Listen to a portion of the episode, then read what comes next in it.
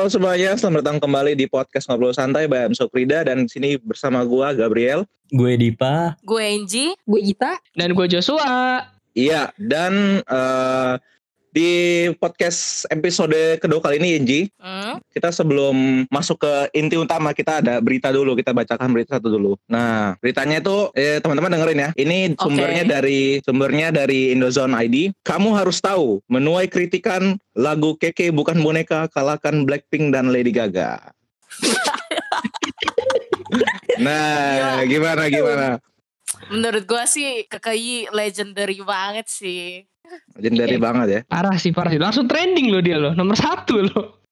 Ah, Jago dia. Iya. Aduh, karirnya gak bisa menyandingi KKI. Tapi gue gue penasaran, gue penasaran sebenarnya. Hmm. Eh, dari kalian-kalian ini sebenarnya kalian nih ada yang benci sama Keke nggak sih? Atau kalian ini sebenarnya eh, tertawa karena apa yang dia perbuat gitu, apa yang dia lakuin gitu? Eh kalau dari gue sendiri gue nggak terlalu ngikutin KKI dari awal sih. Jadi gue nggak kayak nggak ngeh gitu loh sama dia. Cuma kayak oh ada orang baru naik, ya udah gue diem aja gitu. Oh, diam aja. Hmm. Gue sih gue ada pendapat sama dia. Ah. Gue benci aja sama Kei. Gak tahu kenapa ya. Mungkin gara-gara dari awal gue ngikutin dari awal dia make up pakai balon Gila aja. lu di Gue tau Lu dia ben- lu kemarin benci? ngomongin ini ke gue. Lu benci, lu benci kenapa deh? Alasan Ya. alasan lu apa? Karena lu benci dia. Karena kelihatan banget dari awal dia emang eh, gimana ya nyari sensasi banget. Jadi dia udah terkenal lewat yang make up pakai balon. Terus tiba-tiba dia mulai pudar namanya. Terus tiba-tiba muncul lagi dengan pacaran sama siapa itu nama pacarnya gue lupa. Ya itulah pokoknya. Tipe septa. Gue kira Rio. Eh, Itu bukan gue anjir. Rio namanya. Eh, Siapa ya namanya? Rio Rio. Iya Iya kan? Rio kan? Iya, kayaknya. Maksudnya Satrio. Gue nggak tahu. Rio sih. BPH. Nah itu. Nah, Rio ya. Tapi lu tuh Nah. harus mikirin tahu kalau misalnya dia kayak gitu, sebenarnya itu apa ya pencarian dia gitu loh. Mungkin dengan dia songong itu ya dia tetap tenar. Kalau misalnya dia nggak bikin ulah, gimana dia tetap dapat uang? Nah iya sih. Kalau Ya.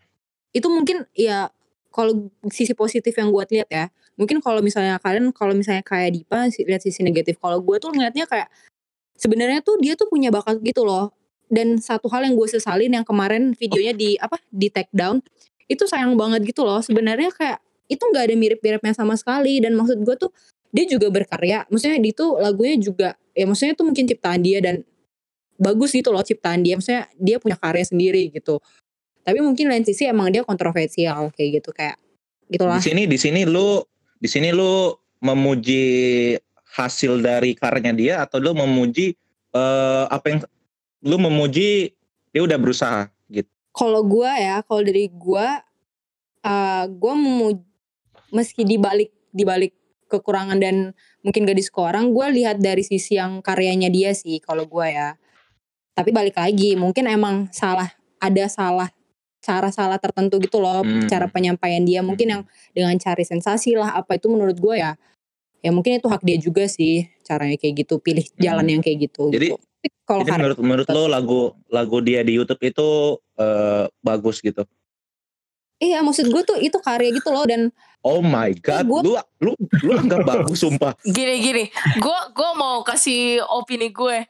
Gue tuh nggak, kita tuh kayak maksudnya apa ya? Kita semua kan bukan musisi kan, kita nggak bisa bilang Iya. kayak oh ini lagu bagus apa enggak. Cuman di sisi Mm. lain tuh dia tuh tahu gitu loh, gimana caranya orang bisa tertarik untuk nge-view. Hmm, lu tahu kalau misalnya dia buat walaupun maksudnya lagunya bukan yang sebagus gimana, lu tahu kan eh, lu harus ngakuin kalau misalnya karena judulnya itu lu tertarik kan mau tahu kayak videonya tuh isinya apa sih gitu loh. Ya benar, gue lebih setuju kayak Andy juga sih. Kalau kalau menurut kalau menurut gue ya gimana gitu gimana gitu. Karena menurut gue tuh kita aja belum tentu bisa buat lagu gitu loh. Dia seorang meskipun dengan cara kayak gitu, dia Gue masih nggak setuju. buat lagu kayak gitu. Dan menurut gue, gue sangat nggak setuju di take down karena sebenarnya tuh nggak ada miripnya loh. Serius deh kalau gue denger ya. Ya ya ya. Kalau kalau menurut gue ya, kalau pendapat gue, eh gue terus terang aja, lagunya jelek, lagunya jelek. Karena di sini gue melihat melihat hasil dari karya. Kan kita ngomongnya bukan suatu pekerjaan, bukan suatu usaha, tapi kita lihat karya kan. Kalau karya jelek. Kenapa gue nggak setuju nggak setuju kalau bilang kita eh gue nggak setuju sama kita karena kita bilang kita aja kan belum tentu buat musik. Sama kayak terus eh, apa bedanya dengan reviewer reviewer game atau yang sebagainya. Intinya sih ini kan opini ya, opini Hmm. opini orang masing-masing beda-beda. Tapi tapi kalau lu bilang bagus lagunya kayaknya lu kayaknya lu pusing deh gitu. Sumpah gitu. Maksudnya gue bukan bilang bagus juga. Maksud gue tuh gue lebih mengapresiasi, mengapresiasi. Iya, gua juga Berarti lu kayak gitu. apresiasi Iya kan Ji? berarti lu apresiasi pekerjaannya dia berarti ya, Maksudnya kayak dia ya. Dia sama mentalitas dia yang dibully sama kayak Mm-mm. maksudnya dia dia tahu gimana caranya ngambil viewers tuh berarti dia jago gue nggak bilang kalau lagunya sih gue akuin emang jelek gue nggak bisa bilang bagus Tapi tapi emang memang gue juga nggak setuju kalau misalnya di take down karena ya dia juga dia maksudnya di situ yang take down pun hatersnya kan bukan take down yang take down tuh bukan yang punya lagu itu kan si siapa Hmm. namanya itu Rini Rini. iya Rini Rini Rini Wulandari ya Rini Idol. Nih Iya, gue jujur aja, gue tuh nggak pernah dengerin lagu si Keke yang bukan boneka kan. Terus karena kita lagi bahas, gue iseng aja gue buka YouTube bodoh Ah, lah mau dengerin maksudnya kan. Terus video kan udah ada lagi nih, udah nggak di take down Hmm. kan. Gue dengerin dan gue harus setuju sih. Gue kayak gue akuin eh, dia ada effort dia ada apa. Cuman lagunya sendiri jelek. iya jadi kita lagunya tuh menurut gue ya dia tuh emang walaupun jelek dia tuh generik jadi lagu kayak gini tuh bisa dipakai untuk TikTok gitu Iya. karena bisa dipakai buat TikTok gitu dia makin dapat penghasilan dan makin tenar lagunya atau Lo nggak bisa buat atau lagunya at- ah gue baru mau bilang pakai lagu odong-odong kan bisa kan ya bener-bener karya bener juga kan. Itu karya juga iya kan. iya Tuh. Gimana Dip yang benci KKI gitu? Kalau gue sih ini gue ya dari yang gue tonton gitu dari awal keki banget. Jadi kalau dilihat dia itu termasuk entertainer. Menurut gue termasuk banget karena orang tuh terhibur. Tapi masalahnya orang-orang itu menghibur dirinya sendiri. Kenapa sampai nonton videonya KKI? Coba lihat komennya deh. Semuanya itu kebencian ngata-ngatain KKI lah, bilang karyanya jelek atau apa. Tapi KKI itu ya dia dapat uangnya dari sana gitu. Nah kalau ditanya jadinya gue, gue benci nggak sama KKI atau nggak suka, ya gue emang nggak suka sama KKI. Tapi dengan adanya KKI, apakah dia menghibur? Iya dia menghibur gara-gara karena adanya dia kita bisa anjir nih orang kok lucu banget anjir, dia Iya, masih bisa. Hmm. gitu. iya iya iya iya. Nah, kalau gue gue. gue gue di sisi itu sih di sisi menertawakan aja tapi gue nggak benci sih. Iya, gue juga nggak benci sih. Gue lebih ke itu tadi entertainment tuh ya, benar.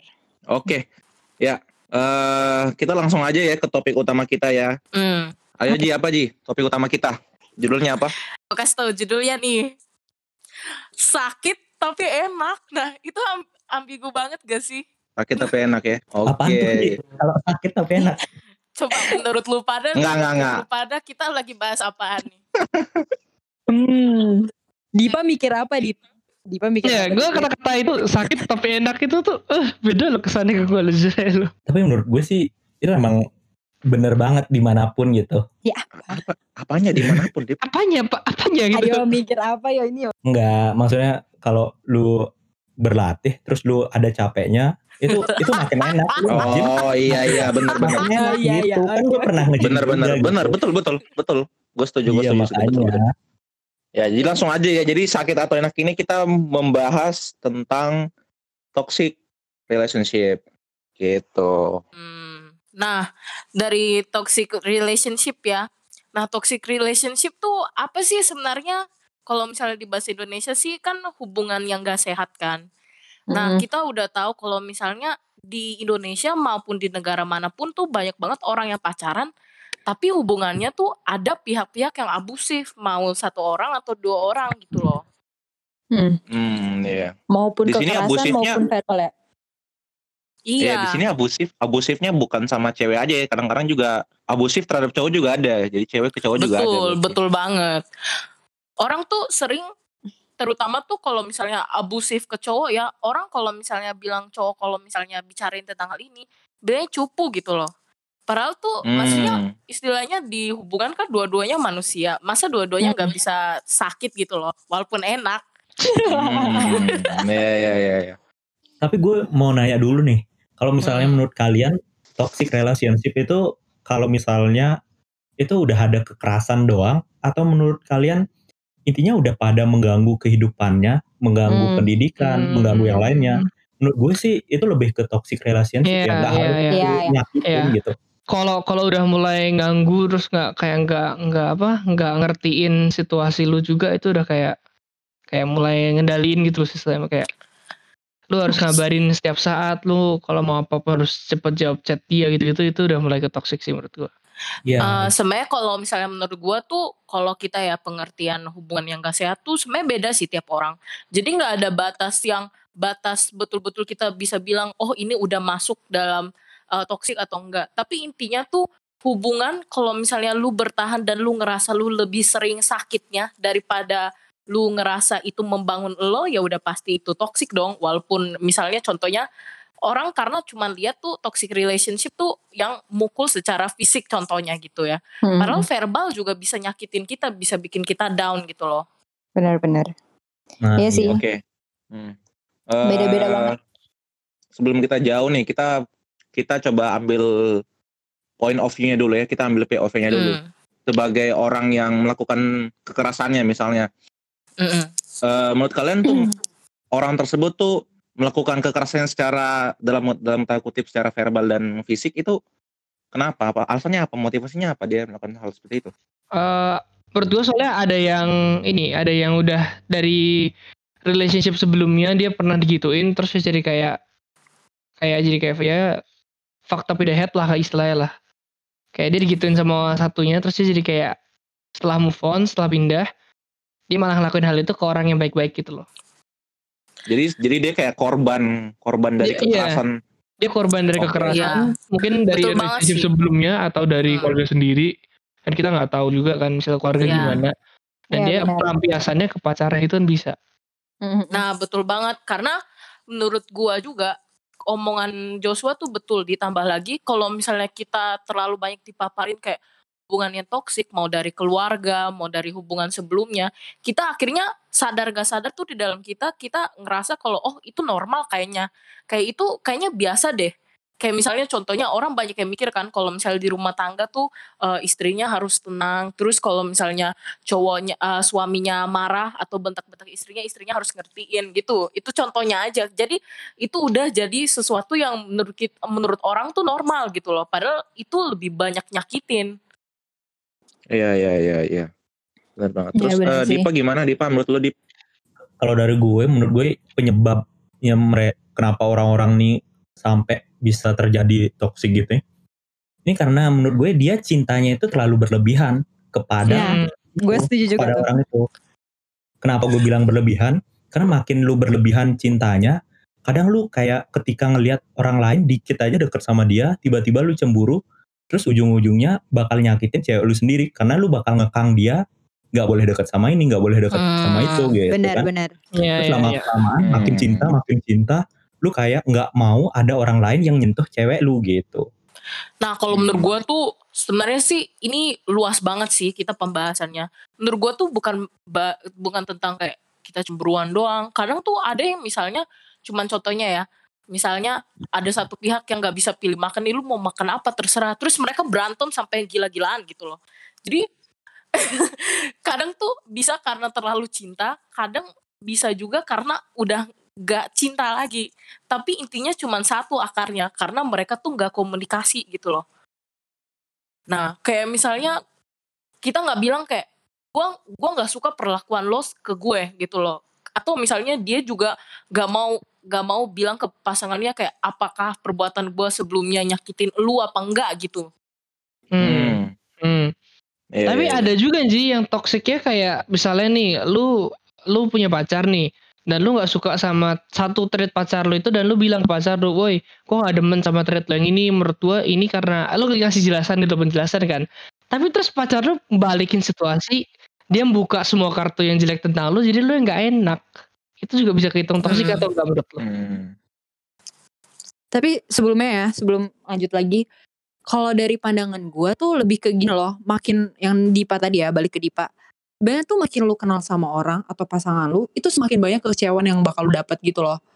Jadi tuh di situ tuh Hmm. jadinya tuh kayak akhirnya pas lu dapat kecewa dan pas lu kecewa lu nggak pernah mengekspektasi itu, makanya lu jadinya bisa aja ngomel-ngomelin dia, marah-marahin dia ataupun sampai kekerasan kayak gitu loh. Oh iya iya. Hmm. Kayak gitu Nah. sih. Iya Iya, sih, iya, iya. bisa aja kayak gitu. Cuman di sisi lain tuh mungkin kita kurang bicara tentang hal ini kalau misalnya kita tuh kurang ngerti gimana sih hubungan sehat tuh kayak gimana gitu loh. Jadi Nah. ketika kita jalanin terus nggak sesuai ekspektasi kita, kita malah ambil alihnya kita dengan nyakitin pasangan kita. Padahal bisa aja kita Bisa ngomong baik-baik. dengan bicarain. Iya ya betul benar gitu. ngomong baik-baik Iya, itu iya, iya. sih Eh, jadi gini sih, kalau gue mau nutupnya ke- tentang hal itu tuh banyak orang yang eh, masuk ke di dalam hubungan tanpa ngerti hubungan itu harus berjalan kayak gimana gitu. Hmm, kalau kita sendiri Iya, gimana benar. tadi? Iya sih gue setuju sama Angie sih kayak lebih ke komunikasinya gitu sama lu harus tahu pasangan lu nih karakternya gimana kalau misalnya emang selama lu ngejalanin yang kalau misalnya selama lu jalaninnya tetap masih kayak gitu dan kok makin kayak gini ya? Kok dia nggak ada perubahan setelah lu ngomong baik-baik tadi ya? Yang Angie maksud komunikasi baik-baik. Iya. selalu komunikasiin baik-baik ternyata kok masih kayak gini? Berarti ada yang sesuatu yang aneh nih ada yang gak bener di orang. Ya udah berarti itu lu bisa putusin kalau itu toxic kayak gitu loh. Kalau gue ya kalau misalnya emang dia ada perubahan ataupun selalu ngomong baik-baik terus dia berubah itu seenggaknya lu masih bisa mempertahankan atau apa gitu. Dan lu nggak bisa Hmm. memutusin itu toxic kalau gue ya. Oke, gue gue boleh nambahin nggak? Ah, kalau misalnya dari gue ya, gue setuju sih sama ah, sama Angie yang bilang soal komunikasi. Cuma gue mau nambahin selain komunikasi itu yang nggak kalah pentingnya itu dari tujuan awal lu nyari pacar. Karena menurut gue kalau tujuan awal lu baik, nanti ke depannya ya masih ada kemungkinan untuk lu hubungannya baik. Tapi kalau dari awal itu lu tujuannya udah nggak baik, ke depannya itu udah pasti bakal hancur. Contohnya misal lu nyari pacar buat apaan? Bisa kalau mem- untuk yang kita nggak bohong lah, misal untuk tenaran Nafsu, atau nafsu. buat Pansos. nafsu buat pansos Nafsu. atau buat Pansos. apa gitu. Eh, Nafsu dip, nafsu dip. ya buat nafsu misalnya, lu pasti ke depannya bakal lu itu terus lu incar dari sebuah cewek eh dari cewek lu gitu. misal kayak nafsu lu bakal nganggap cewek lu itu cuma sekedar nafsu doang jadi untuk pelampiasan doang kalau misalnya terus objek Nah. banget Iya. Bener kayak gitu bener kan kalau misalnya Nah. lu nganggap cewek tujuannya buat karena pingin sharing biar pingin nyari teman hidup maka lu bakal selamanya nganggap dia ya udah ini teman hidup gue gue bakal nyaga dia kayak gitu oh itu sih. Dipa. tergantung tujuan awalnya dulu gitu Jadi kalau Dipa, jadi kalau Dipa dari awal nyari pacar tujuannya baik-baik ya, tapi kalau tujuannya Iya. Nah, tapi Iya, betul. gitu ya. Baik banget ya Tujuannya Tapi kadang-kadang takdir juga bertepuk sebelah tangan ya Dip ya. Iya kadang Ya. nggak ada yang tahu kan Iya. ya. Aduh, agak sakit itu dengar gue. kadang jangan- beda juga bisa memisahkan gitu ya Eh. Nah. Nah, nah kayak gini. Aduh, aduh, aduh, Nah. aduh.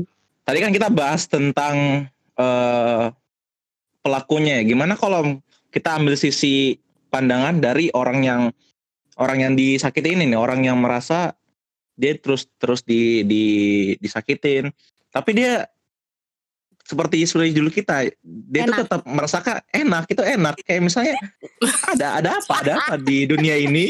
Ada orang kayak gitu kan, banyak orang Iya, yang tapi kayak gitu betul. kan. Heeh.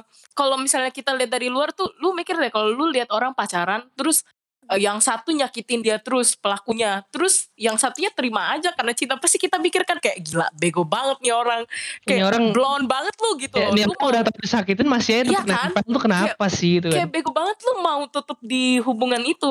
Padahal di sisi lain tuh kita nggak bisa taruh di eh, posisi mereka karena kita tuh lupa kalau misalnya orang abusif tuh nggak 24 jam dia akan selalu abusif. Setelah itu Hmm. mungkin aja dia minta maaf, dia bilang sayang maaf ya, aku nggak bermaksud, aku ngelakuin ini karena aku sayang kamu. Lo tahu kan Yuhu. alasan paling klise, alasan paling Iya, iya. anjir. Nah, gitu. Kayak terus nanti disayang-sayang lagi.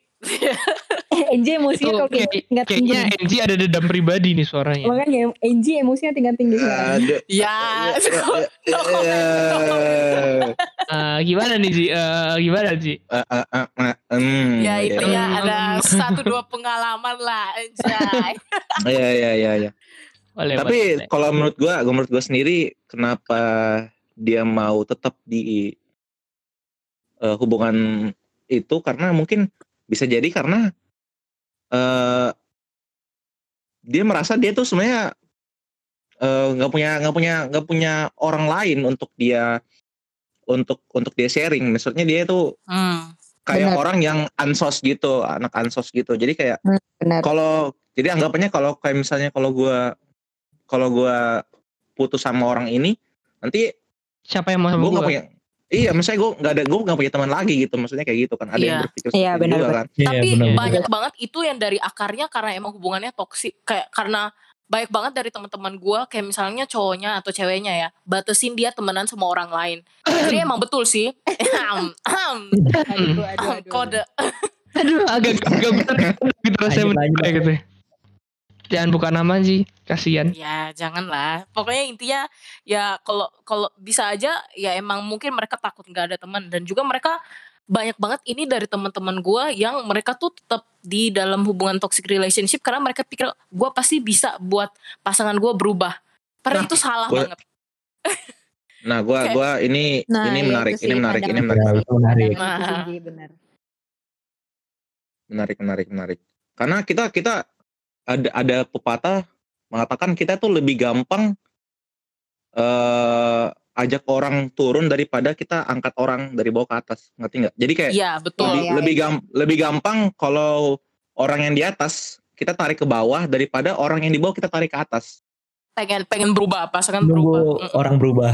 Eh, gue pengen kasih deh. Eh nggak tahu sih. Hmm. Kalau dari sisi gue ya. Dari sisi gue, mungkin gue terlalu spiritual. Gue juga nggak ngerti kalau misalnya ntar dikata-katain atau gimana. Tapi kalau dari gue ya, gue kalau misalnya lu ngejalin suatu hubungan dan maksud gue tuh ya lu kan belum tahu nih toksik apa enggaknya. Lu awalin dulu kayak lu juga berdoa gitu loh sama hubungan lo kayak gitu. Dan gue yakin sih kalau misalnya Heeh. itu bakal ditunjukin jalan gitu dan menurut gua kalau misalnya lu doa terus pasti pasti ada jalannya juga untuk dia berubah kalau enggak ya berarti ya itu bukan jodoh lu kayak gitu Emang emang saatnya pergi gitu ya. Tapi ini ini betul kalau religius kayak gitu. Tapi kita mikir deh, kadang kita ada kesalahan kan atau misalnya ada kebiasaan yang jelek. Tapi Hmm. kalau kita berdoa sama Tuhan, gak ada 100% terjamin kalau kita bisa berubah gitu loh. Karena iya semua orang walaupun kadang udah eh, apa ya kasih kerja keras mereka untuk berubah contohnya belum tentu bisa betul-betul berubah karena istilahnya mereka dari kecil contohnya aja mereka punya keluarga yang abusif contohnya mereka istilahnya itu tuh udah bagian normal. dari diri mereka gitu Udah normal Hmm, hidup hmm, mereka. Iya. Jadi Hmm. Iya. ketika mereka berubah jadi lebih baik tuh di sisi lain mereka ngelepasin sesuatu yang gede dari bagian mereka gitu. Jadi mereka pasti akan merasa kosong. nah ya itu nah itulah menurut gua itulah fungsinya lu sebagai pasangan yang saling melengkapin gitu juga loh kalau misalnya lu punya pasangan yang kayak gitu kalau emang dia benar-benar mau berubah ya. Ini konteksnya kalau emang dia mau berubah ya. Hmm. Terus dan kalau misalnya emang mau berubah juga selain lu berdoain kalau gue ya kalau menurut gue tuh kayak lu lebih ke gimana sih lu mencontohi ke dia gitu loh. Bukan lu cuman kasih tau lu tuh kayak gini-gini lu harusnya kayak gini. Tapi lu lebih ngecontohin kalau misalnya nih lu pengen cowok lu eh, apa namanya eh, selalu pengen ngabarin lu kayak gitu kan ya lu kasih contoh kayak gini loh cara ngabarin yang baik kayak gitu. Jadi lu nggak kayak apa ya ya memberi contoh yang baik itu sih kalau gue supaya dia juga bisa niru oh kayak gitu toh kayak gitu bisa di bisa dipandang kayak gitu. Hmm, gitu. oke oke. Eh, Oke, dari untuk gue. Dipa gimana Dipa? Menurut lu Aduh, gimana? kalau dari gue ya, gue gue pernah jadi pelaku ataupun korbannya ya, tapi nggak yang dalam oke. kekerasan gitu. asik nih asik nih. Asik asik. oke kita Gitu. dengar baik-baik. Jadi kalau yang dari dari sisi pelaku dulu ya, nah gue pernah tuh, jadi eh, gue nggak nyebut ya si, siapa ini gitu. yang pasti, gue waktu itu punya pacar. Ketika pokoknya gue tahu dia sayang banget. Nah ketika gue tahu dia sayang Eh. banget, itu gue manfaatin dia banget. Contohnya betul. kayak manfaatin karena gue tahu nih dia sayang, dia nggak bakal ngelepas gue. Ya gue kayak seenaknya, gue jarang chat dia, gue Bener jarang perhatiin dia Nah, gitu. Maka itu, gue udah bilang orang tuh bisa ngelunjak karena terlalu banyak Iya, kasih benar. sayang. Makanya karena Bener nggak banget. membangun. Setuju gue, setuju nanya, itu itu itu waktu kapan Dip waktu kapan Dip waduh Aduh, SMA, jangan SMP, disebut lah. kuliah. Intinya kayak gitu. Jadi eh, Enggak, ketika misalnya kan kita kita kan bisa lihat eh, proses pendewasaan Silakan. kan. Kalau misalnya lu Iya. Iya. kalau lu bilang lu tuh SMA, proses pendewasaan ya mungkin Iya, ya misalnya Korban-korban lu- SMA lah, SMA. kontak kita. SMA SMA. Nomor-nomor kita ntar di bawah sini ya, di Di nomor ada nomor-nomor kita itu. Bisa disebut apa- mawar orangnya nah, Nah, gitu. Dip, tapi apakah apakah sekarang lu kayak gitu juga atau masih udah berubah? Nah, menurut gue eh, gue lanjut dulu ya. Nanti gue jelasin gimana. Ya ya ya. Oke oke. Nah, kan itu gue berbuat seenaknya maksudnya toxic di sini. Jadi gue datang ke dia cuma ketika gue perlu doang. Misal gue perlu ajak orang nonton baru gue nyari dia kalau misalnya Hmm. gue sama teman ya udah gue sama teman gue nggak peduliin dia gitu padahal mah kayak eh, pacaran rasa teman jatuhnya kayak gitu. Nah di satu Oh. sisi karena gue yang berbuat kayak gitu otomatis dia ngerasa kesakitan banget eh sakit hati banget kan. Maksudnya dia punya pacar tapi nggak peduli sama dia. Bahkan gue waktu itu juga masih sering jalan sama yang lain gitu. Tapi gue nganggapnya emang teman cuma kan namanya cewek siapa sih yang nggak sakit gitu? Nah dari sana gue mulai berubah itu gue bisa berubah itu gue padahal udah sering kali gue minta maaf minta maaf minta maaf terus gitu dan janji tapi nggak pernah gue berubah nah gue berubah ketika gue udah kehilangan dia jadi di sini Hmm. Oh, Gue pingin nekenin. sebenarnya sulit ya kalau ngerubah ketika masih kita Nah, iya ada sih. hubungan ketika lu kehilangan dan udah memutuskan selesai nah di sana menurut gue pacar lu bisa berubah karena sulit Wah, banget kalau ngubah sih. orang pas lagi hubungan soalnya dia udah terlanjur rusak sama gimana ya cara pandangnya dia udah beda mana Setuju sih hubungan- gue. hubungannya gitu itu juga Kalau dari hmm, kalau dari kayak pengalaman gue juga ya, gue juga gue jujur gue juga pernah jadi pelaku gitu loh, ataupun korban ya maksudnya. waduh Gue waduh waduh. pernah di aduh, dua aduh, sisi. aduh, Eh, aduh. bentar bentar. tuh- Pelaku atau korban nih? Pelaku atau korban? Masih ya, gue Dua-duanya, pernah jadi dua-duanya. dua-dua gitu loh di hubungannya. Oh iya iya iya. iya. Istilahnya gue jadi pelaku dulu, terus gue kena karma, habis itu gue jadi korban. jadi Kok lu kebalik sih? Kan biasanya kan orang korban dulu baru jadi pelaku. Ini lu pelaku kagak. terus lu jadi Iya, korban. Gua tuh- iya, gua- si gua dia, dia jadi karma, kena karma. Makanya dengerin gue dulu. Jadi karena gitu. satu Ah, dua hal yang pernah terjadi di gue, gue tuh punya kayak kepuasan sendiri untuk jadi pelaku. Gue jujur banget, gue tuh sempat banget jadi orang yang manipulatif banget gitu loh. Jadi Satisfying walaupun gitu.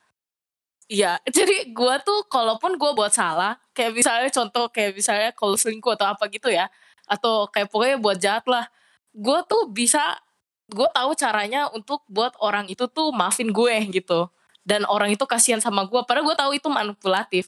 Terus setelah Hmm. gue betul-betul di posisi itu, baru gue ngerti kayak oh ternyata perbuatan gue tuh sebengis itu gitu loh. Hmm. Hmm. Itu dulu, itu kapan dulu? Di selama SMA kayaknya iya. Oh, terus sekarang gak lagi kan ya. Ji Enggak lah, cowok aja gak ada. Sama siapa? Ini sama siapa? Gue sakitin apa? 6 Jun Ji, nyam- iya, 6 iya, Jun. iya. Eh, jangan dong. Iya, iya, Oke, mau, menarik, mau gue tambahin banget ya. Mau gue tambahin nih.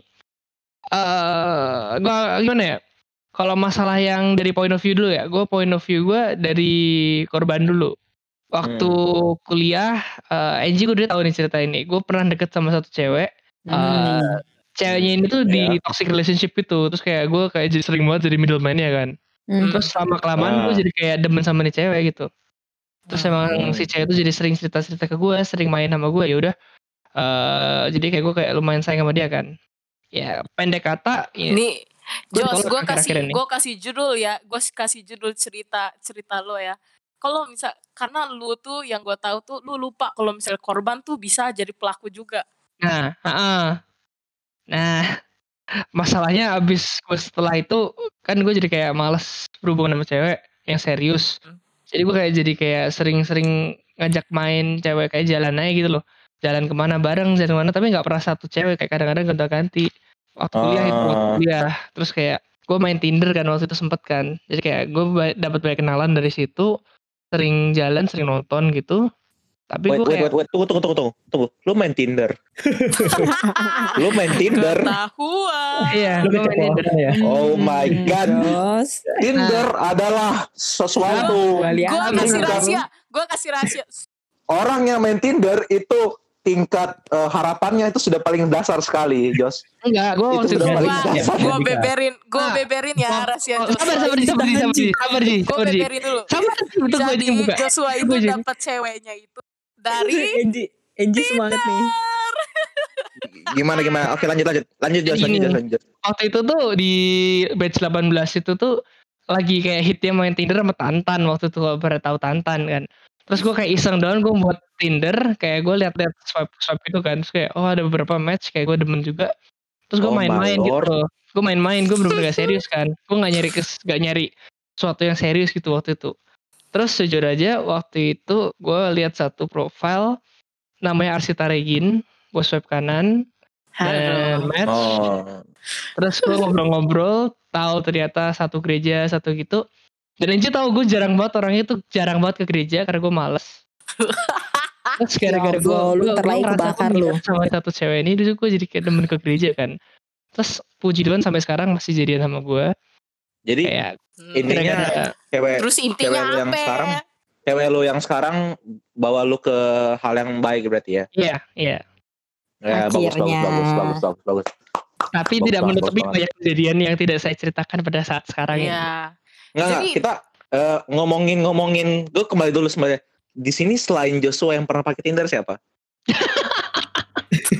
Jujur kalian para Gue pernah download. Gue jujur terus habis itu gue uninstall karena gue kayak ah, nggak anjir ngapain gue main ini. Akhirnya gue Anjir, uninstall. anjir, anjir lu download Tapi enggak, karena gue penasaran gitu loh. Kayak Iya, gua orang awalnya apa penasaran sih? Gue mau tahu aja. Kayak, iya gue cuma kayak apaan sih kayak swipe kanan swipe kiri apa sih gue jadi bingung. Nah, coba Dipa Ya, Dipa tadi Dipa mau ngomong kayak Dipa mau ngomong dia. Hmm, Dipa nih, Dipa nih. Master, master. Kenapa nih? Mau nanya apa nih? Dipa nggak pakai Tinder, ya, Dipa pakai people nearby-nya lain. Tapi kalau gue Dipa ya, jalan mungkin- aja langsung dapet cewek. gue share aja kayaknya Instagram. kebanyakan cowok-cowok Bali itu gimana sih caranya dapet cewek gitu. Ngelirik Nggak, doang, ngelirik, ngelirik. Kalau Kedip, kedip, kedip. cara-caranya itu sebenarnya mirip-mirip. Kebanyakan cowok kayaknya udah pada tahu deh kalau yang agak-agak tengal gitu. Jadi Hmm. caranya biasanya mereka caranya tebar jala. Jadi Anjir. lewat DM DM IG gitu. Nah jadi DM DM IG itu yang dia dan tips pertamanya harus lu kenal. Jadi lu ada channelnya buat ke sana dari misal lu DM temennya dulu, lu minta kenalin dong gue sama dia. Nah begitu lu dikenal namanya, lu follow IG-nya, terus nanti mungkin tiga atau sampai lu, seminggu lah lu udah ada jalan jadi mas. DM. Habis. DM ya udah masuk udah itu. Tinggal lu nunggu sekitar dua minggu kalau cocok lu pacarin kalau enggak ya udah nggak usah dilanjutin. Nah nih nih, gue mau kasih tahu sesuatu ya putusin. rahasia ya. Kalau misalnya lu deketin cewek kayak gitu, lu otomatis tahu kan cewek itu ada teman banyak. Jadi lu tuh rawan banget kalau lu buat salah, dia dengan satu grupnya dia akan sebarin ke grup lain salah lu dan lu akan dicap jadi laki-laki paling brand brengsek sedunia selama berbul- berbulan-bulan baru selesai.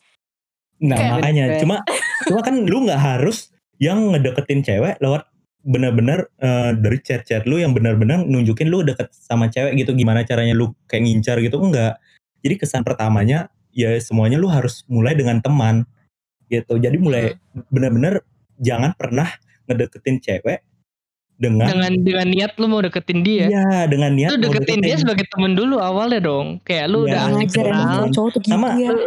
jangan sering-sering di chat gitu jadi kayak Iya, lu ya udah tarik mundur, tarik jarang mundur, tarik aja mundur. gitu Hati-hati intinya kan gini, semuanya gitu Biasanya awalnya sih. temenan dulu gitu Iya, kalau kalau temennya udah asik apalagi jadi pacar gitu loh. Nah iya, karena Hmm. tujuannya itu kan kita cowok-cowok juga, karena emang tugasnya kita yang nyari gitu. Nggak mungkin Enggak. kita nungguin terus tiba-tiba dapet pacar, itu ajaib Eh, gitu. Tapi, Tapi sebenarnya aja, enggak, enggak juga sih. Lu harus lihat tingkat atra- atraktif lu gitu loh. Enggak loh. Iya anjir lu kayak gitu banget weh. Dipa, Dipa. Anjir lu. Tapi ya, kalau saya sih setelah lu punya cewek, malah banyak cewek nge-DM lu jadinya. Jujur aja loh. Gue setelah gue ngepost tentang arsit gitu tuh malah jadi banyak cewek nge-DM gue tanya-tanya tentang gue, gue kayak, tai lu telat satu bulan babi gue bilang gitu. Itu persamaan itu rumus dari mana itu? Enggak, enggak, enggak, senang itu-. Itu rumus dari mana? Lu ciptain rumus dari mana itu? Lu ada cewek, lu post foto cewek lu. Terus- Jos, Jos, gue Terus tiba-tiba- boleh, gue boleh tanya se- sesuatu nggak? Boleh, boleh, boleh. Mungkin aja lu salah ngerti gitu loh. Anjir tanya mereka. ke gue sih. Maaf Gua tuh tanya ke gue. Lu kalau udah punya pacar kak? Iya, tapi kayak misalnya pas cewek lihat cowok punya pacar ya, terus lihat kayak misalnya mereka gentle banget sih sama pacar, terus kita kayak kagum gitu loh, wah gila jago juga nih, nih cowok gitu loh, kayak dia beda sama orang lain. Tapi tuh di dalam Oh. di dalam di dalam gue mereka tuh mereka tuh. tahu kayak anjir, tapi kan dia udah ada udah ada masih cewek gitu loh. Tapi ada thrillnya sih, gue gue ngerti maksudnya. Oh, gini gini Jos, Jos. Berarti yang chat lu itu sebenarnya dia chat dia tadi gue kira tuh eh, pas lu post foto cewek lu, orang tuh pada orang pada deketin lu cewek tapi cewek bilangnya udah punya cowok ya, eh, udah punya cewek gitu-gitu. Ada, Maksudnya maksudnya kayak gitu. kayak, iya maksudnya Angie itu bener gitu loh. Tapi Oh, iyalah itu mah lu itu mah karena ceritain orang gak sih Ji yang waktu makrab Ji? I don't know man. gue takut habis ini gue Iya dibegal anjing waktu makrab waktu itu deket banget kayaknya gue terlalu banyak tahu waktu makrab men. Tapi ini udah terlalu jauh kita di topik Iya yang- kita nyimpang banget nih tapi nggak apa-apa. Topiknya 11 12 gak apa-apa. Kita masuk masukin lagi. Kan ngobrol santai. Nah. Nah, nah eh, sebelumnya eh, tadi kan kita udah bahas banyak ya. Kita kembali ke topik ke inti cerita lagi ya tentang toxic relationship. Eh, kalian tahu nggak bedanya fuckboy sama softboy? Eh, fuckboy sama fuckboy. gue tahu. Fuckboy sama softboy. Karena kadang-kadang tuh ya orang-orang tuh kadang-kadang ada cowok-cowok itu ya. Cowok-cowok dia Hmm. bilang, "Ah, gue bukan gue bukan fuckboy. Gue tuh softboy." Jadi kayak anggapannya softboy itu anak yang baik-baik. Sebenarnya itu salah pengertian. Nah, nanti gue akan kasih tahu pengertiannya seperti apa. Coba kalian menurut kalian tuh kayak gimana? Ya menurut gue sih beda tipis sih mau fuckboy kalaupun banyak cewek tapi dia ngerti kalau misalnya kayak dia nggak ada tujuan apa-apa buat cewek itu dan cewek itu ngerti juga hal yang sama jadi mereka cuma HTS bareng dan udah clear di situ gue rasa nggak ada masalahnya karena cewek pun pas di lu maksudnya kayak pas lu PDKT-in gak menjamin kalau dia nggak deket sama cowok lain kan Hmm. Nah, cuman kalau misalnya ada orang yang bilang kayak ih gue cowok baik-baik tahu tapi mereka lupa kalau misalnya cowok baik tuh juga maksudnya mereka bisa pakai sifat mereka yang baik itu tuh untuk manipulasi cewek-cewek gitu loh buat mereka lengah gitu. Hmm. buat Buat- mereka lemah jadi mereka tuh nggak nggak beda beda tipis sama ya mereka beda tipis dong sama kayak itu ya, sama fuckboy Kalau kalau Dipa, Nah, kalau gue menurut ya, lu, lu tuh anaknya fuckboy nggak? Hmm, gimana Dari tuh? Berarti gue lu dulu nggak ya. fuckboy ya? Fucek boy, fucek boy. itu terlalu apa ya kasar ya kalau dianggapkan. Jadi harus tahu dulu kalau menurut gue ya pengertian dari fuckboy itu lu benar-benar mainin cewek tapi tanpa perasaan. Tapi kalau yang softboy, lu mainin cewek tapi pakai perasaan di dalamnya. Contohnya misalnya Nah, betul, nah betul. betul pakai tapi perasaan gitu. intinya Sampai pada ceweknya akhirnya itu benar-benar sayang. seseorang nggak gitu loh mau lu pakai Nah, iya, perasaan bener lu banget. deketin orang tapi lu pakai perasaan juga ke orang lain apa bedanya anjir tetep nyakitin juga Nah itu bedanya. Jadi Hmm. keduanya ini fuckboy sama softboy ini menurut gue lebih ke tujuannya mereka. Jadi tujuannya mereka ada yang benar-benar kalau gue bilang ya Emang nafsu ya nyari temen ya. bukan Nyari kan HTS gitu atau gimana. Iya ibaratnya pemuas nafsu mereka lah kalau fuckboy sama softboy. Tapi kalau misalnya cowok-cowok biasa yang sekedar deketin, terus mereka juga ya udah awalnya cuma pingin kenal tanpa ada maksud buat apa pun gitu, itu jauh banget dari kata fuckboy karena fuckboy itu kalau lu cari arti katanya mungkin di internet itu benar-benar lu kayak pulang klub, lu nyari cewek, ya udah Iya tinggalin. Nah itu Nah, nah. fuckboy. Ini coba gua Tapi gua gua bacain ya.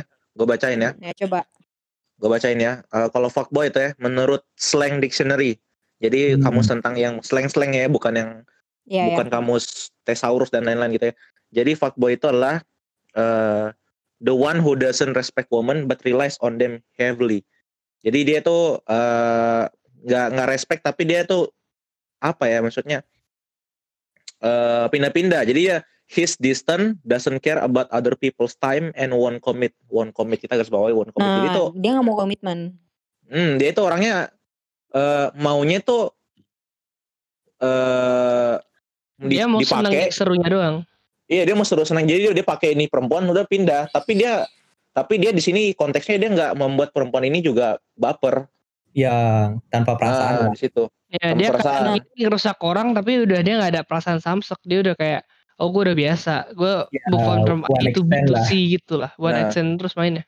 Ya, tapi menurut, Iya, menurut gue fuckboy sama apa tadi lu bilang di softboy ya. Softboy. Softboy. softboy, softboy. Tapi tuh kayak menurut gue bener kata Inji kayak sama-sama Ya, maaf gue ya kalau misalnya dalam Indonesia tuh kayak bajingan bukan bajingan juga sih kayak lu tuh cowok jahat banget sih kayak gitulah kayak gitu yang kayak maksudnya tuh ya kayak maksudnya tuh gini loh lu kalau udah punya cewek nih lu ya boleh lah lu berteman sama cewek tapi tuh lu harus tahu batasannya juga gitu loh karena lu nggak pernah tahu lu tuh bisa punya perasaan sama dia ataupun cewek itu bisa berpotensi jadi pelakor. Waduh gitulah kayak gitu loh. Hmm. jadi tuh lu Hmm. jadi lu tuh nggak bisa seenak-enaknya gitu lu harus harus jaga perasaan cewek lu juga gitu loh di saat lu pengen kenalan sama cewek ataupun deket sama cewek. Kayak gitu. Karena jujur ya kalau gue jadi cewek ya nggak tahu sih kalau gue jadi cewek kalau ada cowok yang deketin gue ya siapa yang nggak seneng gitu loh gitu loh kalau misalnya andai apalagi kalau lu ce gue cewek yang nggak punya cowok kayak gitu tapi kalau Iya, cowoknya iya, kayak iya, Dipa yang terkenal lah apalah kayak gitu-gitu loh Nah benar Tapi nih, gue kasih contoh ya. Menurut gue tuh kenapa soft boy itu lebih kejam. Lu kalau Iya. pikir kayak misalnya fuckboy itu, kalau misalnya siapa sih? Gue nggak nggak mau kasih contoh deh. Intinya contohnya aja cowok atau cewek, cowok ganteng atau cewek cantik. Terus Hmm. mereka terkenal banget dan lu tahu kayak oh mereka tuh biasanya nggak seriusin dan nggak nggak akan komitmen. Kalaupun lu disakitin, lu tuh lebih gampang move on karena lu mikir kayak ya itu kesalahan gue sendiri, gue udah tahu mereka kayak gitu gitu loh. Tapi kalau misalnya Hmm. soft boy lu tahu kayak mereka ada perasaan sama kita kok tapi akhirnya tuh berakhir dengan buruk gitu loh. Lu nggak Hmm. Iya. berpisah dengan baik-baik gitu. Nah, itu Hmm. tuh lebih sakit dan lebih susah lagi untuk lu keluarin diri dari situ gitu. Nah ini gue Iya, bacain, gue boy. bacain, boy gue bacain ya definisinya ya. Ya, ya, oke, oke. Jadi soft boy, soft boy itu similar to a fuck boy but without a cocky attitude. Nah, Jadi dia mainnya pelan, Agree. mainnya pelan Iya, bro. itu kayak ini Mainnya loh pelan. Kalau kalau kalau so- domba. fuckboy kan langsung langsung gas kan, langsung gas, Iya, langsung bro, gigi gigi lima. Tapi kalau soft boy itu pelan pelan dari gigi satu. Cowok yang fuckboy, cowok fuckboy gitu. yang koki Ya. itu, Iya. mereka tuh cuman Nah. menarik cuman sementara doang. Soft boy yang pakai perasaan dengan Iya itu gentle, banget Ci. itu Aduh. lu tuh akan tertarik bisa dengan wak jangka waktu yang lama gitu loh. ya, Nah, nah benar, ini gue benar. gue habisin ya. Nah itu ini gue habisin ya. perasaan gak sih Ji kalau soft boy Iya iya.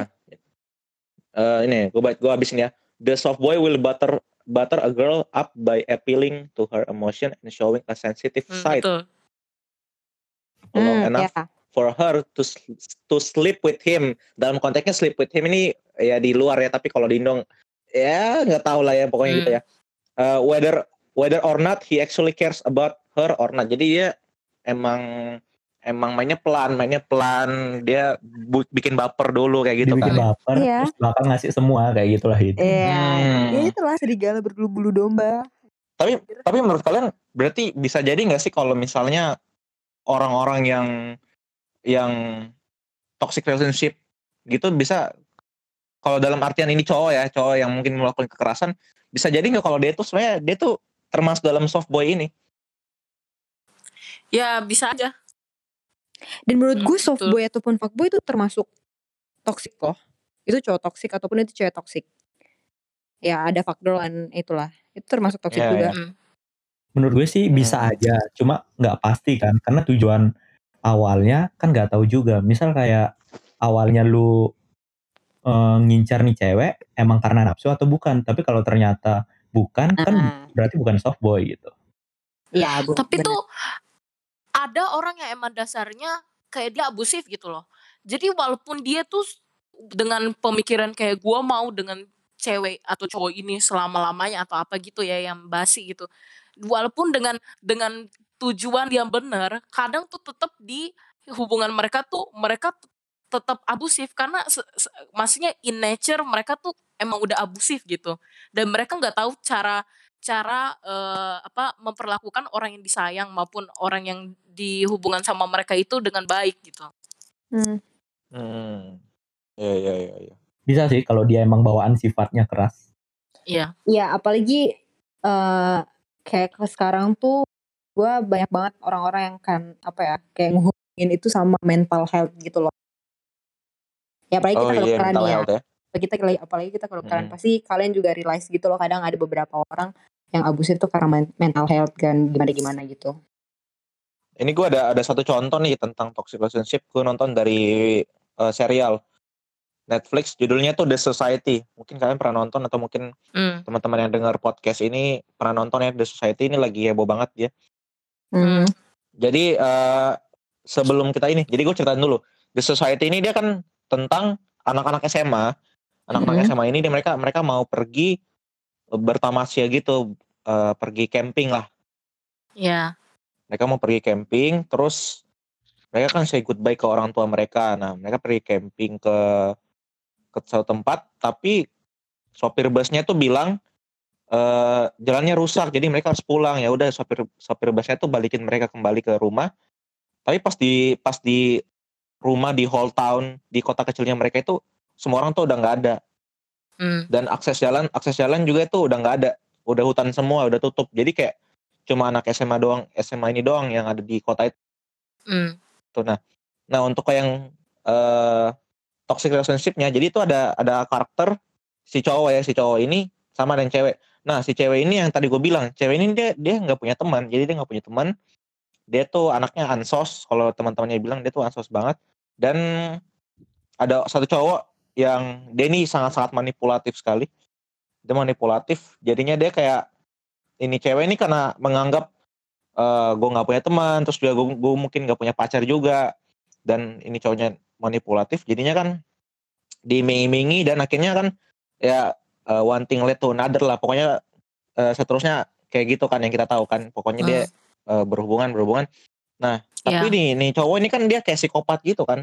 Nah dia di di di kerasin kerasin gitu. Pokoknya Hmm. sampai ini cewek kan kesel. Dia kesel lama-lama tapi dia kesel nggak mau cerita ke orang lain gitu. Artinya sampai kan ada suatu acara namanya thanks, eh, acara Thanksgiving dia kan buat Ya. buat pie nih. Jadi dia bilang aku akan membuat pie untuk eh, pacarku yang ini. Nah, gitu kayak gitu. jadi dia, dia buat pie tapi pie-nya itu pie labunya itu dia taruh ini zat kimia. Zat kimia anti beku. Untuk cowoknya kan cowok untuk Hmm. cowoknya. Nah udah buat udah buat langsung cowoknya hmm harum sekali pie ini. Ayo kita bagi-bagi ke teman-teman kita. Mampus sudah. Jadi tuh jadi tuh pie pie labunya tuh dimakan satu kota anjir. Jadi semua teman-temannya tuh makan pie labunya. Jadi orang semuanya keracunan dan termasuk dia juga karena dia mencoba untuk menutupi kesalahannya dia kayak gitu sih. Oh. dan ketahuan akhirnya ketahuan gitu. Itu salah satu contoh toxic relationship-nya kayak gitu. Tapi toksiknya udah sampai ke orang-orang lain ya. Ya udah Iya, tapi tuh- banyak orang tuh. itu tuh sebagai contoh kalau misalnya toxic relationship ya yang kena efeknya tuh bukan cuman emang efek terbesarnya di korban yang maksudnya yang ada di hubungan itu. Tapi di sisi lain itu tuh juga nyakitin orang lain tau. Kayak misalnya akhirnya mereka tuh karena biasanya orang yang abusif itu dia akan manipulatif kan dia akan bilang kayak gue ngelakuin ini tuh untuk kebaikan lo. Jadi tuh akan korbannya itu akan ngerasa bersalah. Nah rasa bersalah itu tuh yang buat mereka tetap bertahan di hubungan itu. Iya Dengan iya rasa- iya, iya. dengan rasa bersalah dan rasa malu ini karena dia kira kayak dia juga ambil alih dari kesalahan itu dia tuh nggak akan bicara ke orang lain tentang hal ini. Jadi di sisi lain dia juga kayak push people away gitu loh. Jadi dia nyakitin Hmm. banyak orang Hmm, jadi kayak jadi kayak misalnya kalau contohnya dia punya teman, temannya udah udah nasihatin, akhirnya dia kehilangan temannya temannya juga kan. betul Artinya kayak karena hidup dia- ini kita berdua aja gitu kan ya. betul karena dia pikir temannya itu kayak lu nggak ngerti gitu loh lu cuma Hmm, lihat hal ini dalam secara general atau secara luasnya tapi di dalamnya itu tuh lu nggak ngerti mungkin aja pacar gue emang dia sering marahin marahin gue atau apa tapi ya karena dia stres atau kayak karena dia memang ada masalah keluarga kayak gitu jadi dia sel- selalu kayak coba kayak gue ngertiin ngertiin pas dia pas hubungan gue tuh makin rusak gitu loh Iya iya iya. Hmm. Kalau Joshua gimana Joshua? Hmm, gue kurang lebih pikiran gue sama, cuman kayak atau ya eh toxic atau enggak kan seperti kata Inci awal tadi kan beda-beda tiap orang gimana kan. Terus ya gue juga udah beberapa kali ngalamin yang namanya jadi korban, pernah juga jadi pelaku. Jadi gue kayak gue diem aja karena gue kayak pikir kayak ya udah ini karma emang gue harus menerima. Kadang-kadang gue mikir gitu. Gak tahu gue, gue kayak bingung juga ngerti gak sih kayak mau ngomong tuh kayak kadang-kadang bingung juga kayak bukannya takut ngomong tak tapi takut salah interpretasinya yang keluar gitu loh. Iya. Makanya di sini tuh kita Hmm. bahas tentang ini tuh gue rasa kita mau buka kalau bilang tuh ada banyak bentuk gitu loh. Uh, Hmm, toxic relationship. Jadi opini kita tentang suatu relationship yang kayak nggak sehat itu belum tentu cuman itu doang gitu yang nggak sehat gitu. Oke. Eh, jadi inti pembicaraan kita apa sih sebenarnya? Ya, Ya relationship. intinya Iya toxic relationship tuh ya gimana ya intinya satu aja sih kalau misalnya lu ngerasa lu lebih banyak sakitnya daripada Happy enaknya Mending lu mending lu mending lu Ya, mending- gitu loh. lu keluar gitu loh lu harus prioritasin diri sendiri lu harus Iya. tahu kayak gua tuh pantas untuk berada di hubungan yang bisa membangun gua Iya, bukan iya, cuma nyakitin gue gitu Hmm. Nih, Ya, ini gue ada quotes nih, gue ada quotes nih. Uh, don't be with someone, nggak, jangan bareng orang tuh yang lu nggak bisa hidup bareng dia. Tanpa dia. Kayak kan Nah, orang-orang iya. banyak yang ngomong kayak I cannot live without you itu jangan. Hmm. harus sama orang yang Hmm. ngomong I can live without you but I'll be happier if it's with you. Jadi Nah, jangan iya. jangan Asik. kita, Ah, iya, iya, jangan iya, kita maunya gitu loh. Ngerti gak sih kayak jangan ngomong kayak eh gue tanpa lu kok nggak bisa hidup gue sedih gini-gini itu berarti udah Iya. nggak bener. Lu tuh harus nyari orang yang tanpa lu pun lu bisa hidup gitu loh. Lu tetap you have your own life.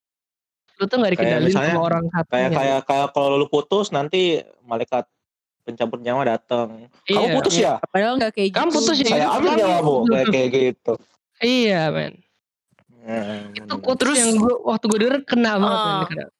gue tuh ada tips untuk kayak teman-teman mau cewek cowok yang pernah jadi korban atau nanti bisa aja jadi korban intinya tuh kalian jangan eh, lihat hubungan ini tuh sebagai sesuatu yang betul-betul apa ya kalian tuh jangan bergantung sama hubungan itu gitu loh kalian jangan bergantung kayak gue pokoknya harus hidup sama orang ini lu mikir aja ya betul kata Joshua kayak maksudnya lu bisa hidup tanpa dia tapi lebih enak lebih bahagia kalau ada mereka gitu Ya benar. Lebih enak.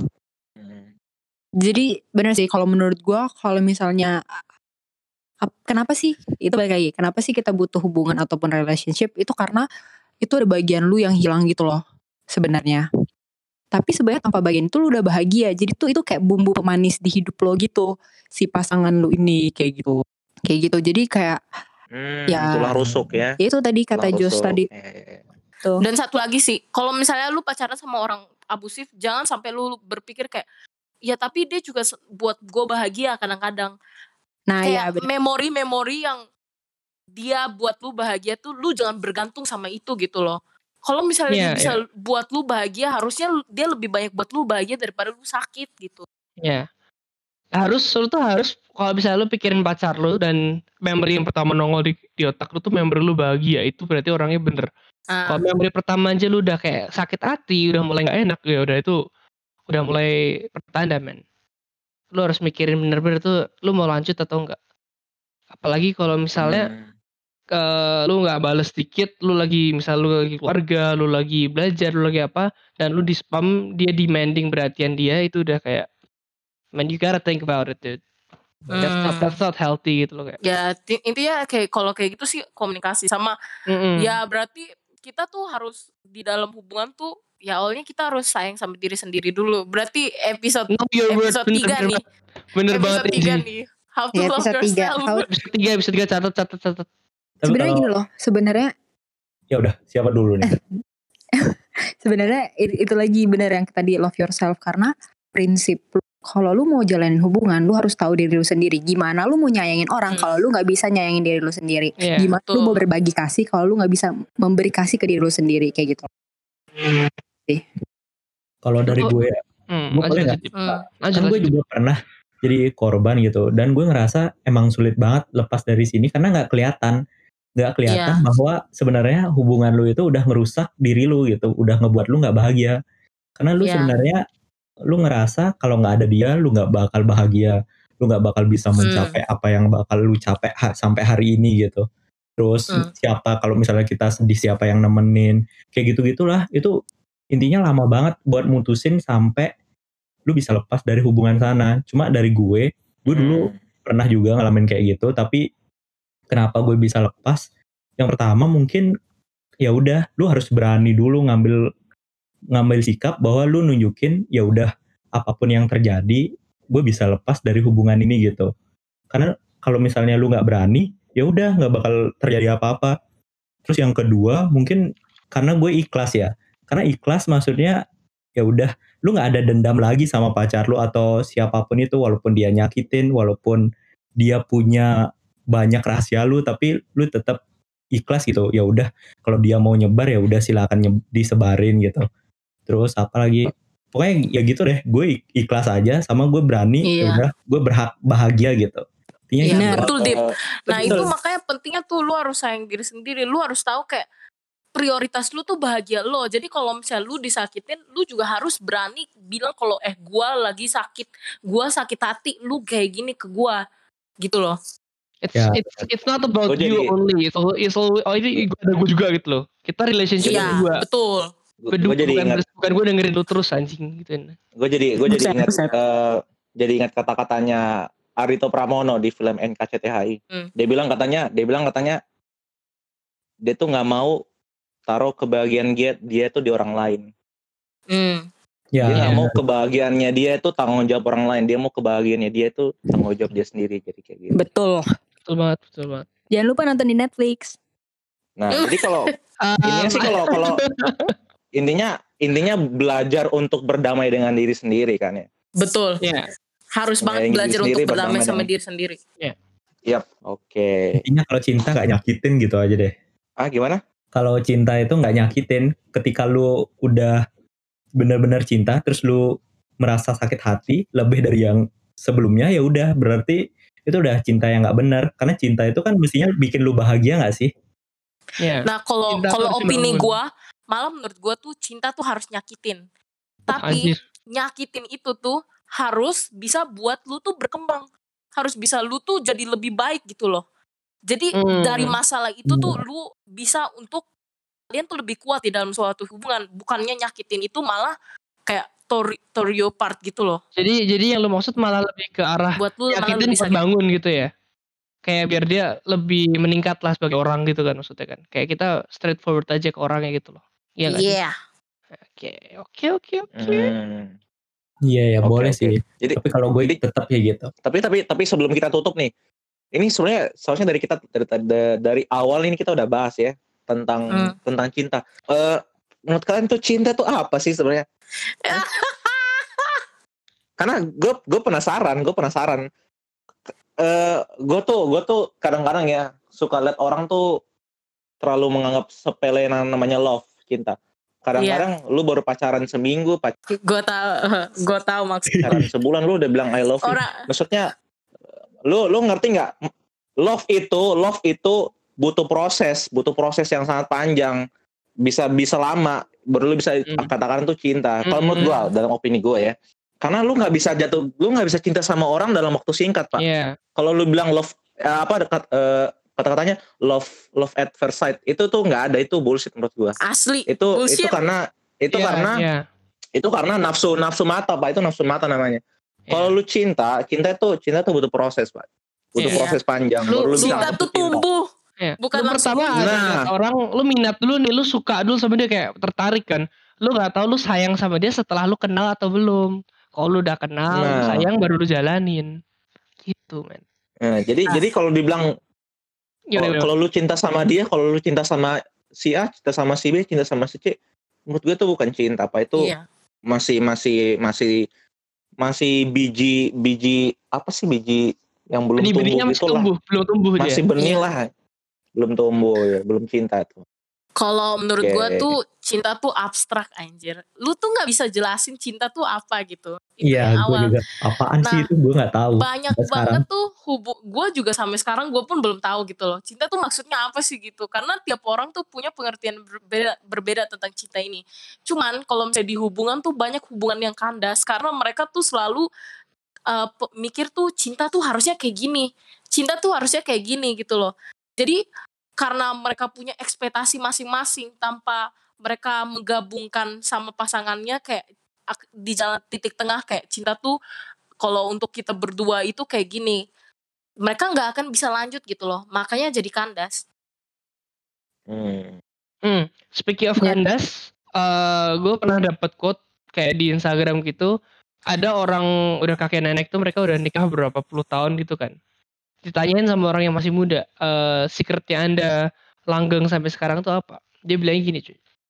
eh, rasa love, rasa sayang itu tuh pasti lama-lama pudar. Bukan pudar asin kayak gue udah gak sayang sama lu. Tapi udah nggak se booming waktu kita pertama kali ngerti, dapat ngerti gak? Hmm. Tapi Hmm. kuncinya tuh sebenarnya satu, komitmen. iya gue juga Nah, itu. Rio bilang betul Begitu- banget begitu lu Betul nggak ada komitmen lu begitu lu mulai lihat cewek lain lu mulai eh, mungkin lihat lihat kanan kiri lu udah mikir yang enggak enggak. Itu komitmen lu udah benar-benar diuji men. Dan menurut sih. pacaran ya tiga bulan pertama itu tuh sebenarnya nggak ada gunanya.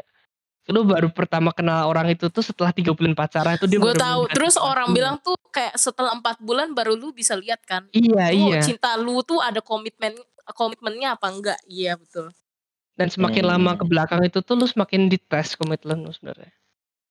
Iya sih. Iya, iya. Kalau gua se- selain komitmen yaitu tadi benar komitmen dan menurut gua kapan sih lu bisa lihat komitmen itu? Gue bisa ngeliat itu kalau misalnya gimana tadi itu kalau misalnya di tahan uji lah kayak gitu yang tadi Jo Jo bilang. Terus selain itu kayak lu bisa lihat juga dari kayak seberapa dia bisa menerima lo, bukan kelebihan lo tapi kekurangan lo. Dia lihat Iya. dia nggak cuma lihat lu dari sisi kelebihan lu tapi kekurangan lo itu tuh kayak susah banget untuk ditemukan untuk orang-orang yang yang serius dan emang tulus kayak gitu loh kayak gitu sih Hmm. Ya, tapi gue mau nambahin yang soal Gita. Kenapa gue sampai sekarang juga nggak tahu? Karena gue sampai sekarang juga belum bisa buat nerima kekurangan pasangan gue. Jadi nah mungkin suatu gitu. saat kita bakal nemu pasangan yang benar-benar cocok ketika kita bisa nerima kekurangannya mereka. Bener nggak? nah bener Iya, iya, iya. Ya, dan itu bisa salah satu tanda itu jodoh lu menurut gue ya ya bisa. Gua jadi. rasa tuh cinta awalnya tuh nggak kita nggak bisa bilang cinta gitu loh. Awal-awal kita ketemu sama orang yang kita ada perasaan itu tuh lebih ke infatuasi gitu. Jadi ya, kasih lu eh, nggak betul-betul sayang dia jadi lu cinta or, makanya itu yang orang bilang cinta tuh buta padahal tuh kita tuh nggak seharusnya buta sama kekurangan orang lain gitu ke- Iya. kekurangan pasangan nah kita bener harusnya tahu mereka ada kekurangan ini dan kita tuh coba maksudnya bisa melengkapi atau mengerti gitu bukan bukannya kita kayak oh ya udah emang dia kekurangan gitu kita pura-pura nggak tahu gitu loh Hmm, itu bener, bener. salahnya itu berarti kita nggak terima kekurangan dia gitu hmm. betul Hmm, sekali Intinya, oke jadi kita penutup aja. Jadi intinya dari topik ini, eh kalau emang kalau emang lu yang mendengar tok- eh, podcast ini, kalau lu merasa lu dalam punya hubungan yang eh yang kurang ada advantage-nya atau mungkin lu eh, lu udah anggap ini toxic, you better get some friends, bro. Ya, Maksudnya lu butuh teman yang lagi. lu Ya, teman kalau misalnya lu kalau misalnya ada teman lu kalau misalnya ada teman lu yang nasihatin lu lu harus dengerin dia karena teman tuh penting bro dalam hidup Iya. lu Oh, ini gue juga ada saran nih buat yang dengerin ini nih. Misalnya lu sekarang nih lu dengerin dan lu ada masalah sama pacar lu, lu jangan sekali-sekalinya lu li- lu langsung bilang putus lu apa. Lu jangan lihat cewek lain, lu jangan langsung mata lu jadi mata liatin kanan kiri lagi. Komunikasi itu key man. Yo, Iya. bro. jadi intinya bisa- kayak Yoi, gini it's betul bisa panjang tanpa It's komunikasi gitu loh. betul Eh. bicarain dulu kalau nggak ada hasilnya lu harus keluar dari situ Nah, jangan berlama-lama tetap Iya, tenggelam kalau lu situ. dirugiin terus setelah lu udah coba komunikasi, berarti itu yang Iya. pertanda dari yang di atas cuy, lu saatnya pergi.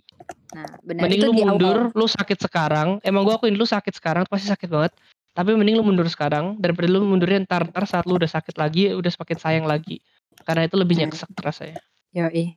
ya benar oke benar itu saja ya teman-teman eh, untuk podcast ngobrol santai WM Sukri pada episode eh volume 2 kali ini ya terima kasih buat Iya. teman-teman yang udah mau dengerin eh, podcast podcast kita ini dan podcast pertama jangan lupa dengerin ya podcast pertamanya dan eh, sampai jumpa di episode ketiga atau volume ketiga kita di lain hari oke terima kasih teman-teman sampai jumpa Bye. bye bye semuanya Bye. Bye bye bye Thank you, bye. thank you. Thank you.